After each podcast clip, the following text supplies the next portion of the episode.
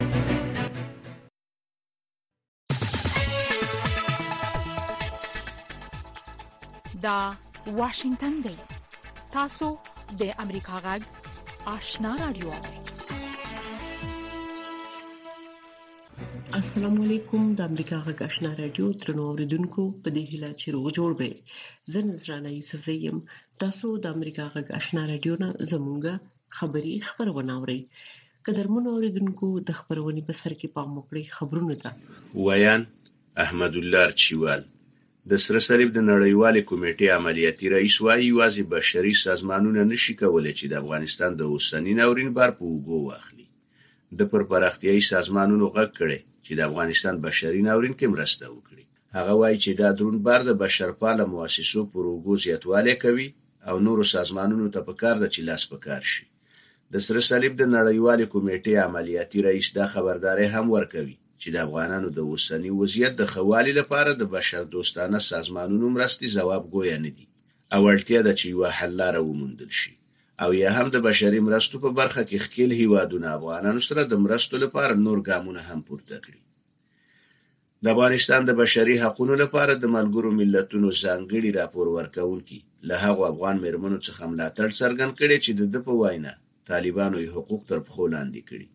ریچارډ بینت پرون د ښځو پر وړاندې د تاوتریخوالي د مخنیوي د نړیوالې ورځې په مناسبت پر ټویټر په یوه بیان کې ویلي،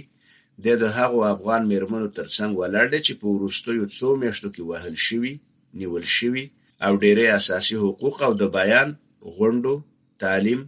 او ژوند لپاره ازادۍ یې تر پښو لاندې شوي. پرون د ښځو پر وړاندې د تاوتریخوالي د مخنیوي په نړیواله ورځ په افغانستان کې د ملګرو ملتونو مرستندوی دفتر یوناما هم په یوه بیان کې د افغان ښځو پر وضعیت اندېښنه وښوده او افغانستان یې د نړۍ هغه هېواد وباله چې له ښځو سره په ډېره لوړه کچه تاوتریخوالی پکې کېږي. د ازبکستان د بهرنیو چارو وزیر د افغانستان پر اړونده مسایلو په اړه په کابل کې د ملګرو ملتونو د مرستندوی دفتر، یوناما، له مرستیال سره د خبرو کولو خبر ورکړی. ولادیمیر رونوروف پر ټویټر ولیکل چې له مارک پورتزل سره په خبرو کې یې د افغانستان د روان وضعیت او له طالبانو سره د خبرو لپاره د نړیوالې ډلې د رامنځته کېدو د طرحې په اړه بحث کړی ازبکستان له طالبانو سره وروسته له دې چې پر افغانستان بیا واکمن شول د تعامل اړیکې لري او په پام کې لري چې د افغانستان له لارې تر پېښوره پورې د اورګاډي پټلۍ ورغوي خو په تېرو څه باندې پنځلسو میاشتو کې د ازبکستان په ګډون د نړۍ هیڅ هیواد د طالبانو حکومت په رسمیت نه دی پېژندلی. د ملګرو ملتونو د کوچنیانو د ملاتړ صندوق یونیسف په دایکونډي ولایت کې د څلورو کوچنیانو پر مړینه ژوره خواشیني څرګنده کړې. یونیسف په یوه بیان کې چې پرون یې پر خپل ټویټر خپور کړی ویلي، چې د دایکونډي ولایت د نیلي ولسوالۍ په سیواک شیبر کلي کې څلور هلکان چې عمرونه یې د یوه او څوارلسو کلونو ترمنځ وو، په یو برید کې وژل شوي. یونیسف د دې پېښې په اړه نور جزییات نه دي ورکړي، خو ځینو کورنیو رسنیو راپور ورکړی، چې دا کوچنیان په هغو عملیاتو کې وژل شوي، چې طالبانو د دوو پخوانیو سیمهییزو قوماندانانو د بېوسلې کولو په موخه له چهارشنبې ورځې راهیسې هلته پیل کړي. له امریکا غږ څخه خبرونو ته دوام ورکوو. د خیبر پښتونخوا په لکي مروت ولسوالۍ کې د امنیتي سرتیرو او د تحریک طالبان پاکستان وسله والو ترمنځ په نښته کې دوه پوځیان وژل او دوه نور ژوبل شوي. په سیمه کې استخباراتي چارواکو د نوم نه څرګندولو په شرط مشال راډیو ته ویلي چې دا پېښه پرون هغه وخت رامنځته شوه چې په پشانو ونډو کلي کې پولیس او امنیتي سرتیري په ګډه د لټون په عملیاتو کې بوخت وو چې نامعلومو وسله والو پرې برید وکړ. د لکي مروت د پولیسو ویاند شاهد حمید له مشال راډیو سره په خبرو کې د دغه برید پخلی کړی او زیاته کړې ده چې لا هم په سیمه کې د لټون عملیات روان دي. تحریک طالبان پاکستان په یو بیان کې د دغه پېښې مسوولیت منلی. اروپايي ټولنې د روسیې د تېلو د بیې په اړه خبرې تر یوې بلې اونۍ پورې وځنډولې ډیپلوماټان وايي، په دې اړه د نړۍ د اوو سترو صنعتي هېوادونو یا جیو ډلې د استازو خبرې پرون اټکل شوې وې. له دې یوه ورځ مخکې اروپايي چارواکي د روسیې د تېلو د بیې په اړه په خبرو کې په دوو ډلو ویشل شوي وو. د اروپايي ټولنې یو شمېر غړي غواړي چې د روسیې پر تېلو د اتکا په کمولو سره د دې هېواد جنګي ماشین د اوکراین په جګړه کې د مالي سرچینو د کمښت له ستونزې سره مخامخ کړي. خو ځینې نور بیا له روسیې څخه د تېلو او ګاز د وارداتو دوام غواړي. بریتانیا ادعا کوي چې روسیه د اوږد واټنه توغندیو له کموالي سره مخامخ ده. په دې اړه زما همکار راپور راکوي. د بریتانیا پوځي استخباراتو نن اعلان وکړ چې روسیه احتمالاً له زړو اټومي کروز توغندیو اټومي سروکي لرې کوي او د غیر مسلح مهماتو په توګه یې د اوکراین پر لوري توغوي. د بریتانیا د دفاع وزارت په خپل ورځنیو معلوماتو کې چې پر ټوئیټر یې خبره کړې دی ویلي دي دا که د روسیې اراده هرڅوي خو دا جوتوي چې دغه هیواد د اوګدواټنه توغندیو زیرمې کمې شوې دي یاد وزارت ویلي دی اوکراین ته د یو وشتل شوی کروز توغندي د پاتې شونو لا تصاویرو څخه ښکاري چې دغه توغندای په 1980 کلونو کې د اټومي لیګ درالګ لپاره ډیزاین شوی وو غورځنګ د امریکا غږ واشنگټن بلخوا د اوکراین ولسمشر ولادیمیر زیلینسکي ویلي، د روسیې د وروستیو توغندوییزو بریدونو له کبله یې په هېواد کې تر شپږ میلیونه ډېرې کورنۍ اوس د برېښنا د سرچینو د پارچاو له کبله کړېږي.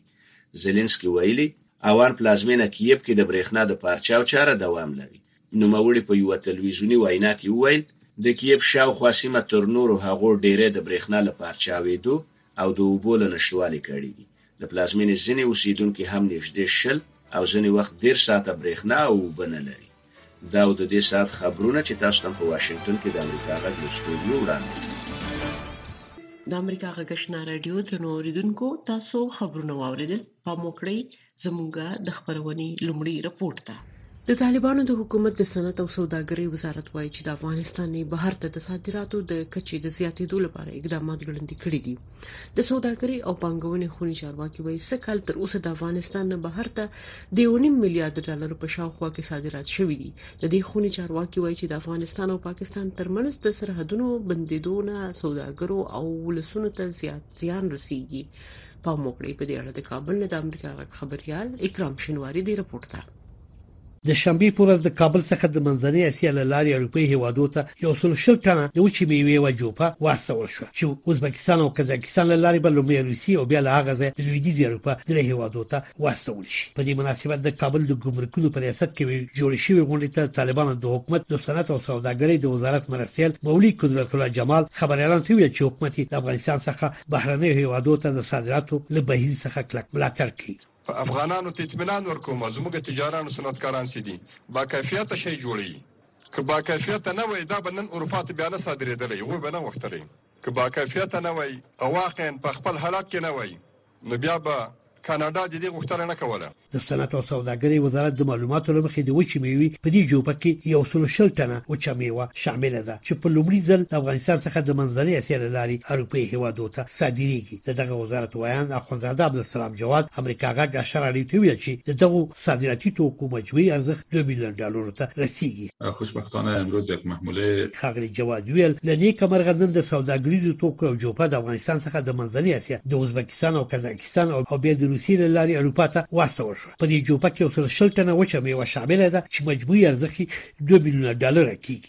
طالبان حکومت په تیر څه باندې یو کال کې افغانستان کې بیا واک ته رسیدو وروسته د صادراتو د پراختیا په برخه کې هڅې ګړندۍ کړې دي چې ورسره د تیرو کلونو پر تله له دغه هیواد څخه د صادراتو کچه هم زیاته شوې ده د صنعت او سوداګرۍ وزارت د معلوماتو له مخې د روان کال په لومړۍ شپږ میاشتو کې بهر ته د افغانستان څخه د صادراتو کچه له یو میلیارډ ډالرو څخه اوښتې ده دا وزارت تمه لري چې د روان لمریز کال تر پایه به د صادراتو کچه دوه میلیارډ ډالرو ته ورسیږي د افغانستان څخه بهر ته په صادراتو کې د ډبرو سکرو صادرات هم شامل دي چې په روان کال کې په زیاته کچه د افغانستان سوداګرو لخوا پاکستان ته صادر شوي چې لړۍ لا هم دوام لري د سوداګرۍ او پانګونې د خونې د مدیره پلاوي غړی خانجان الکوزی وایي چې په روان میلادي کال کې تر اوسه د افغانستان څخه بهر ته د صادراتو کچه شاوخوا یو نیم میلیارډ ډالرو ته رسیدلې ده ښاغلی الکوزی وایي چې بهر ته د صادراتو برخه کې د بانکي ستونزو ترڅنګ د افغانستان او پاکستان ترمنځ د سرحد بندیدل هم په صادراتو اغیزه کوي ښاغلي الکوزي امریکا غږ اشنا راډیو ته ویل چې د چمن سپین بولدک او د افغانستان او پاکستان ترمنځ نورې سرحدي لارې د ځینو ستونزو له امله وخت په وخت بندېږي چې ورسره د دواړو هېوادو سوداګرو ته په میلیونونو ډالر زیان رسیږي بدبختانه چې د دروازې بندول هر وخت یو سیاسي معضلې او نه تنها په بولدک کې کله کله په تورخم کې او همدارنګه دا اوس په ډنډې پټان کې لار بنده ده هلته شرایط خراب دي دا چې بند شي زمونږه دواړه طرف ته سکتور خصوصي ته ډیر جدي نقص رسیږي او د ځل چې دا دروازه بند شول زمونږ د میوه وختو زمونږ د انار وختو نو په دغه خاطر باندې تقریبا د ورځې میلیونونه ډالر افغانستان او پاکستان دواړو ته تاوان ورسېده او خصوصا هغه ترانزیتي اموال چې د پاکستان نه د کراچۍ د لارې نه راځي او هغه د شف کمپنیو کنټینر کې پراته هغه کې په موږ باندې د ورځې د 150 نه تر 200 ډالر پورې ډیټنشن راځي چې دا ډیره طاقت فرسا ده د نږدې یوې ونې راهیسې د افغانستان او پاکستان ترمنځ د ډنډې پټان سرحد په دغه سیمه کې د طالبانو د سرحدي ساتونکو او د پاکستاني سرحدي ساتونکو ترمنځ د درې ورځو د خټو وروسته لا هم تړلی دی همداشان پاکستان تیر ونې د چمن سپین بولدک سرحد وروسته د نږدې یوې ونې تړلو بیا ته پرانیست پاکستاني سرحدي ځواکونو چمن سپین بولدک سرحد هم په دغه سرحد کې د دواړو خو د سرحدي ساتونکو ترمنځ د یوې نښتې وروسته تړلی و اوس مهال له افغانستان څخه پاکستان ته د ډبرو سکرو صادرات د ډنډي پټان د ولسوالۍ د سرحد له لارې ترسره کیږي د امریکا جغ آشنا رادیو ډیرو درنو اوریدونکو سر لنن څخه د امریکا جغ آشنا رادیو خبرونه په نوو څپو خبريږي په منځنۍ صفحه یو زرو دوه سوه او شپږ نوي اعشاریه صفر په لنډو څپو یوولس زره پنځه سوه او پنځه اویا اعشاریه صفر او نهه سوه او دوه اویا کیلو هرتز د امریکا غږ آشنا رادیو اورېدلای شئ. د طالبانو ویاند ذبیح الله مجاهد د غربي هوادونو او بشري حقوقو ادارو هغه نیوکه اسلام ته به احترامي بولی چې د لوګر په ولایت کې د ځینو کسانو په درو د وهلو په حق لې کړی دي تفصیل د وحید فیضی په دې رپورت کې د طالبانو ویاند ذبیح الله مجاهد د یو شمېر هیوادونو او بشري حقوقو ادارو د نیوکو په جواب کې ویلي د ملګرو ملتونو د بشري حقوقو د عالی کمشنرۍ د ویاندې او د نورو غربي هیوادونو نمائندګانو څرګندونې چې د درو وهلو مجازات پکې غیر انساني ظالمانه او توهینونکي بللي د اسلام مبارک دین به احترامي او د نړیوالو اصولو مخالفت دی د ملګرو ملتونو د بشري حقوقو ادارې د لوګر په ولایت کې په عام محضر کې د 14 کسانو په درو وهل د کرکې وړ سزا بللې او په سمدستي توګه د دا ډول سزا ورکولو بندیدل غوښتي دي د ملګرو ملتونو د بشري حقوقو ادارې ویلي چې د اوسنیو چارواکو یعنی طالبانو لخوا د چهارشنبې په ورځ د لوګر په ولایت کې په عام محضر کې په ډلېز توګه د 14 کسانو په درو وهلو موټکان خوړلې د ټولو خلکو سره باید په مساوي توګه او کرامت سره چلن وشي طالبانو تایید کړی چې د یوې محکمې له حکم وروسته د لوګر په ولایت کې په دریو میرمنو او یولس نارینه و شرعي حدود جاري کړي دي یو شمېر دیني عالمان وایي د شریعت تطبیق یوازې د حدودو تطبیق نه دی اگر کسی ادعای عدالت میکنه خو باید که قانون اول سر مو کسایی که سر قدرت است تطبیق شوه چنانچه پیغمبر صلی الله علیه وسلم میگفت که اگر دختر ما فاطمه سرقت کنه ما دستش ما اول خودم قطع میکنم یعنی سر کسانی که و فامیل هایی که سر قدرت هستند اونا باید خودشان کسای اول باشن اشخاص اول باشن که سرشان قانون تطبیق شود تطبیق قانون بله. سر غریب برای و مردم عام آسان است اما باید از نگاه شرعی مخصوصا کسانی که مسئولیتشان زیاد است اول سر خود از و قانون تطبیق شود و قانون تطبیق شریعت تنها تطبیق حدود نیست تطبیق شریعت اصلا برقراری عدل و عدالت و مساوات است یوشمه نور وی په اوس وخت کې لازمه ده چې د خلکو بشري او اقتصادي وضعیت ته زیاته پاملرنه وشي در زمان خلیفه دوم حضرت عمر رضی الله عنه است که خودش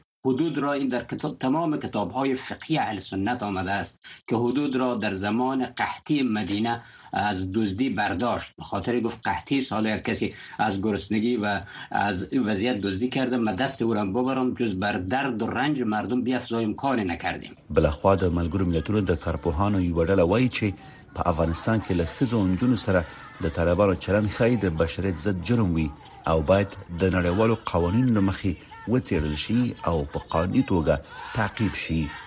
خپله همدغه چې نجونې د شپږم صنف نه پاس اجازه نه لري چې مکتب ته لاړ شي، په بعضې ښارونو او ولایتونو کې دا یو رواني تاوتریخوالی ده. هغه ښځې چې د کار اجازه نه لري او د اقتصادي د لحاظ نه دوی استقلالیت نه لري دا خپله یو رواني تاوتریخوالی ده. که څه هم طالبان وايي چې د خلکو حقونو ته درناوی کوي خو نړیوال ټولنې تل پر طالبان نیوکه کړې چې خلک یې له خپلو اساسي حقونو څخه بې برخې کړي دي. په نړۍ کې هیڅ هیواد د طالبان حکومت په رسمیت نه دی پیژندلی او دوی د نړیوال او مالي پلاوی منزوي کړي دي. وحید فیضی امریکا غږ.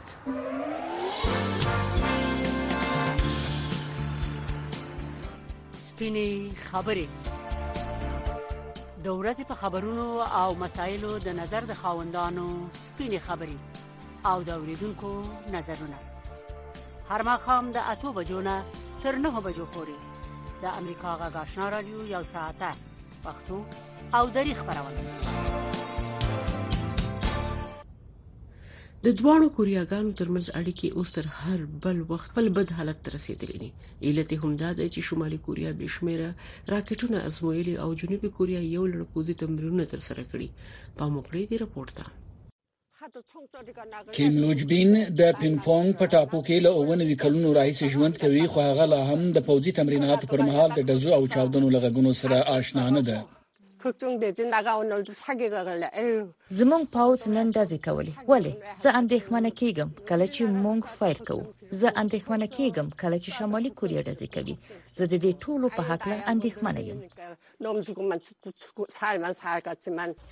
د یون کلونګ د سیمې اوسیدونکي په ځانګړې توګه په دې وروستیو کې ډیر اندېښمن دي. تیره میاشت دواړو هیوادونو د خبرداري ډزې سره تبادله کړې وې. یوازې د ساحل هۍ خوا ته د جنوبي کوریا سمندري ځواکونو هغوی لیدل. د دې ځای اوسیدونکي وايي چې په دې ځای کې ډیرې نورې چاودنې هم اوریدلې دي. څوک به اندېښمن کېږي؟ موږ په هر ځای کې د ډزو غږونه اورو. دلته شمالي کوریا په اسانۍ سره لیدل کېږي، په ځانګړې توګه په رڼا ورځ کې. په دې حساسو اوبو کې کب نیونه ډېره ستونزمنه ده. کله چې شمالي کوریا له خوا په سیمه کې انفجار او یا هم ډزې وشي، نو حتی کښتۍ هم له دې ځایه څخه ځي. ځايي خلک وايي چې یوازې سږکال پنځه ځلې دا پېښې رامنځته شوې دي او د سیمې هغه کب نیونکي چې په دې ځای کې کبان نیول تر ټولو ډیر اغیزمن شوي دي زه نه پوهیږم چې د ډزو له وجې به څومره خلکو ته زیان رسیدلی وي خو په دې ځای کې کب نیونکو ته خورا ډیر زیان رسیدلی دی په ځانګړې توګه له پوځي اډو سره نږدې ځایونو ته له حده ډیر زیان رسیدلی دی په دې ځای کې یوازې د حیواناتو معیشت په خطر کې نه دی، بلکې ډېر خلک د خپل ځان د خوندیتوب نه هم وېره لري.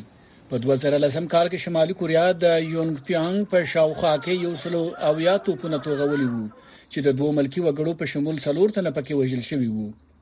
دا هغه ځای دی چې د جنوبي کوریا یو سمندري پوځي هم پکې وژل شوی دی. دا د شمالي کوریا د برید یوه روښانه بېلګه ده. خو په دې ځای کې هیڅوک له خطر څخه شکایت نه کوي ځکه د لسیزو را په دیخوا په دې ځای کې همدا حال روان دی. زه سپین سر یم که مړه شم مړه به شم او که ژوندی وم ژوندی به وم خو د خپل اولادونو په حق له ډیر اندېښمنه یم خو هغه کسان چې د دې اوګدو نښتو په لومړیو کرښو کې دي تر هر بل وخت اوس ډیر اندېښمن دي غورځنګ د امریکا غږ واشنگټن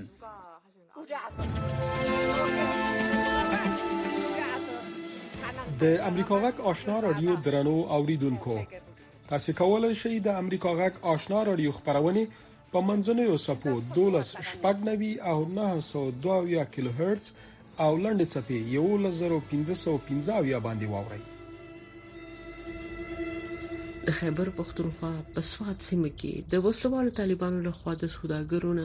د ناقانونه پیسو د اخیستلو په پیښو کې زیاتوالی راغلی دی، پام وکړئ، زموږ د همکار احمدالله ارشیوال دې رپورټ ته.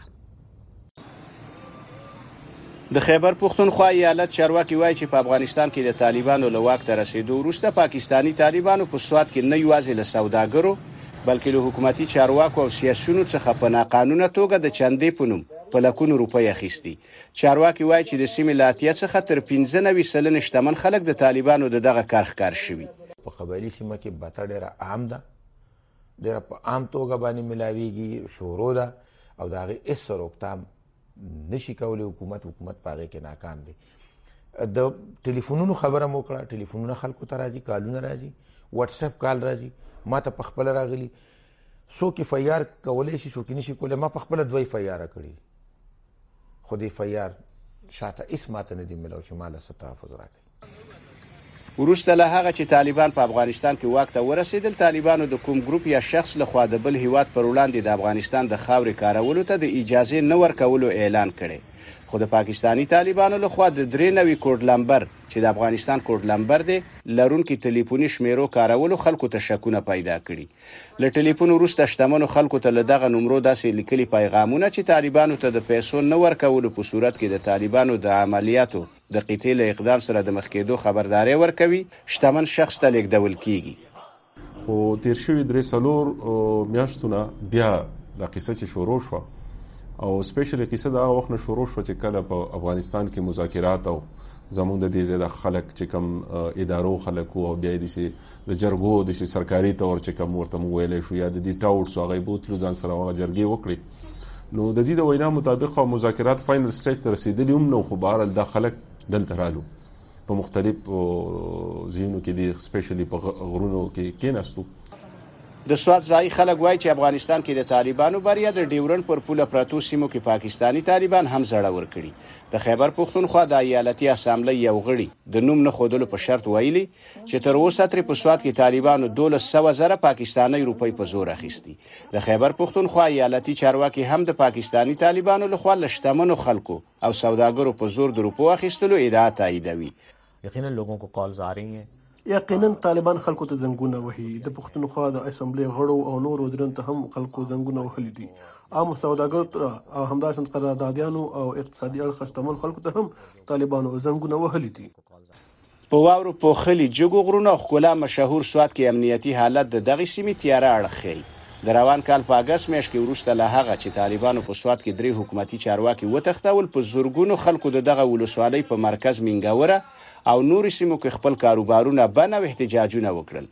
خو د پاکستان پوځ په سوات کې د طالبانو د موجودیت خبرونه افراط او غولونکي بولي. احمدالله ارچیوال،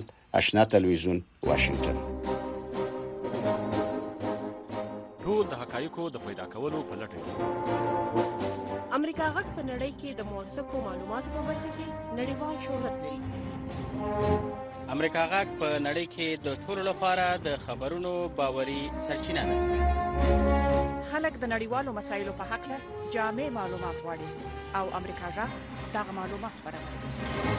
د امریکا غږ آشنا رادیو یو موثقه معتبره او جامع منبع منځنۍ چپه 1290 او په 15 کارونو کې اف ام 0.15 د طالبانو حکومت د عامې روغتیا وزارت په ټول افغانستان کې د ماشومانو د شری ناروغۍ په وړاندې د واکسین لس ورځنی کمپاین پیل کړی دی تمه ده چې دغه کمپاین په ترڅ کې بنجدي و میلیون ماشومانو ته د شری د ناروغۍ واکسین تطبیق شي په مکړې د اکرام شینواری رپورت ده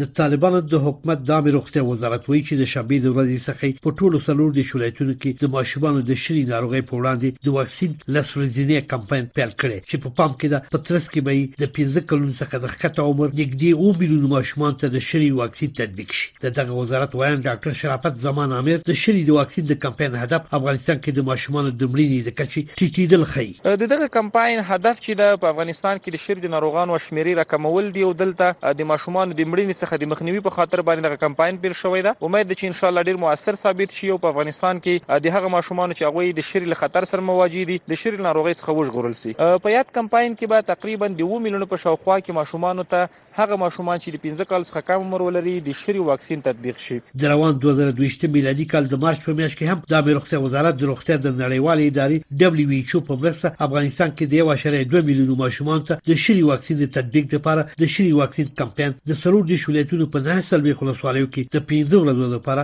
تطبیق کړی و. د WHO د یو راپور له مخې افغانستان کې د شري ناروغۍ پېښې د تېر دوه زره ویشت میلادي کال د جنورۍ میاشت کې ثبت شوې وې. د ملګرو ملتونو دا اداره وایي چې د تېر کال د جنورۍ د میاشتې څخه د روان دوه زره دوه ویشت میلادي کال د مارچ د میاشتې تر دیارلسمې ورځې پورې اته څلوېښت زره او درې سوه شپږ شپېته د شري ناروغۍ پېښې ثبت کړي دي چې له امله یې په دغه موده کې دوه سوه پنځوس ماشومان په دغه ناروغۍ مړه شوي د روغتیا نړیواله اداره وایي چې یوازې د روان دوه زره دوه ویشت میلادي کال په لومړیو درې میاشتو کې د شري د ناروغۍ اتلس زره پېښې ثبت شوي دی زروي چې د روان میلادي کال په دغو درې میاشتو کې د شري په ناروغۍ د یو سلو دوه څلوېښت ماشومانو د مړینې پیښې هم ثبت کړې دي ډبلیوچو افغانستان کې په ورځني ډول د شري د ناروغۍ په وړاندې د واکسین د تطبیق د کچې ټیټوالی چې اوس مهال شپږ شپېته فیصد ته رسیږي او هم د دوه زره اتلسم میلادي کال د شري د واکسین د تطبیق وروسته د واکسین په کمپاین کې لویه زماني فاصله په دغه هیواد کې د شري د ناروغۍ د خپرېدو په علتونو کې ګڼي WHO وایي افغانستان کې د شري ناروغۍ خپرېدل د دې لامل هم د اندېښنې وړ دي چې په دغه هیواد کې په ډېره لویه کچه د ماشومان ترمنځ د خوارځواکۍ ناروغي شته دي اکثره د شري ناروغي د ژمي په موسم کې ډېره خپرېږي د عامې روغتیا وزارت ویاند شرافت زمان عامر وایي چې دغه وزارت د خپل همکارو ادارو په مرسته د ژمي د رسیدو د مخې هغو سیمو ته له وړاندې ضروري دارو درمل رسولي چې ژمي کې پکې هوا خورا زیاته سړېږي او د واورو له امله یې لارې هم بندیږي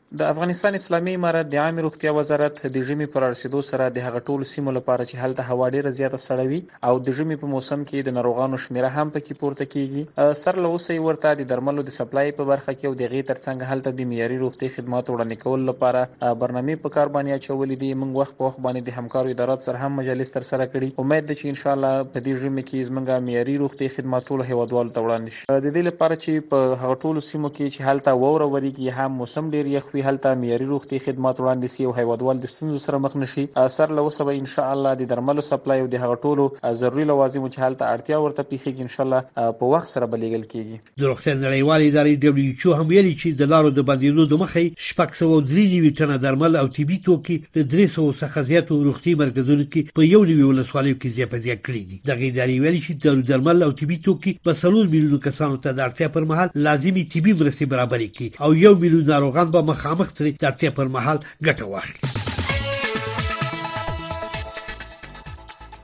دا واشنگتن دی تاسو د امریکا غږ آشنا رادیو ویاند احمدالله ارچیوال، د سره صلیب نړیوالې کمېټې عملیاتي رئیس وايي، یوازې بشري سازمانونه نه شي کولای د افغانستان د اوسني ناورین بار په اوږو واخلي. ده پر پراختیايي سازمانونو غږ کړی چې د افغانستان بشري ناورین کې مرسته وکړي. مارتین شویب وايي چې دا دروند بار د بشرپاله موسسو پر اوږو زیاتوالی کوي او نورو سازمانونو ته په کار ده چې لاس په کار شي. د افغانستان د بشري حقونو لپاره د ملګرو ملتونو ځانګړي راپور ورکوونکي له هغو افغان مېرمنو څخه ملاتړ کړی چې د ده په وینا طالبانو یې حقوق تر پښو لاندې کړي. د ازبکستان د بهرنیو چارو وزیر د افغانستان پر اړونده مسایلو په کابل کې د ملګرو ملتونو د مرستندوی دفتر یوناما له مرستیال سره د خبرو کولو خبر ورکړی. ولادیمیر نوروب پر ټویټر لیکلي چې له مارک پوتزل سره په خبرو کې د افغانستان د روان وضعیت، او له طالبانو سره د خبرو لپاره د نړیوالې ډلې د رامنځته کېدو د طرحې په اړه بحث کړی. د ملګرو ملتونو د کوچنیانو صندوق یونیسف په دایکونډي ولایت کې د څلورو کوچنیانو پر مړینه ژوره خواشیني څرګنده کړې. یونیسف په یوه بیان کې چې پرون یې پر خپل ټویټر خپور کړی ویلي، چې د دایکونډي ولایت د نیلي ولسوالۍ په سیواک شیبر کلي کې څلور هلکان چې عمرونه یې د یوه، او څوارلسو کلونو تر منځ وو په یو برید کې وژل شوي. د خیبر پښتونخوا په لکي مروت ولسوالۍ کې د امنیتي سرتېرو او تحریک طالبان پاکستان وسله والو تر منځ په نښته کې دوه پوځیان وژل او دوه نور ژوبل شوي دي. تحریک طالبان پاکستان په یوه بیان کې د دغه پېښې مسوولیت منلی. اروپايي ټولنې د روسیې د تېلو د بیې په اړه خبرې تر یوې بلې اونۍ پورې وځنډولې. ډیپلوماتان وايي چې په دې اړه د نړۍ د اوو سترو صنعتي هېوادونو یا جیو ډلې د استازو خبرې پرون اټکل شوې وې. بریتانیا ادعا کوي چې روسیه د اوږد واټنه توغندیو له کموالي سره مخامخ ده. بلخوا د اوکراین ولسمشر ولادیمیر زیلینسکي ویلي، د روسیې د وروستیو توغندیوزو بریدونو له کبله یې په هېواد کې تر شپږ میلیونه ډېرې کورنۍ اوس د برېښنا د سرچینو د پارچاو له کبله کړېږي. زیلینسکي ویلي، تر اوسه په ډېری سیمو او ان پلازمېنه کییف کې د برېښنا د پارچاو چاره دوام لري. دا و د دې ساعت خبرونه چې تاسو ته په واشنګټن کې د امریکا غږ له سټوډیو وړاندې کړل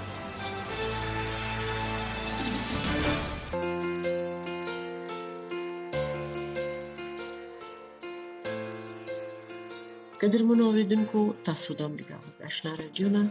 زموږه خبری خبرونه واوریده موږ تاسو نه د دې هلي اجازه غواړو چې خبرونه به اوریدلې وي د خوده په امان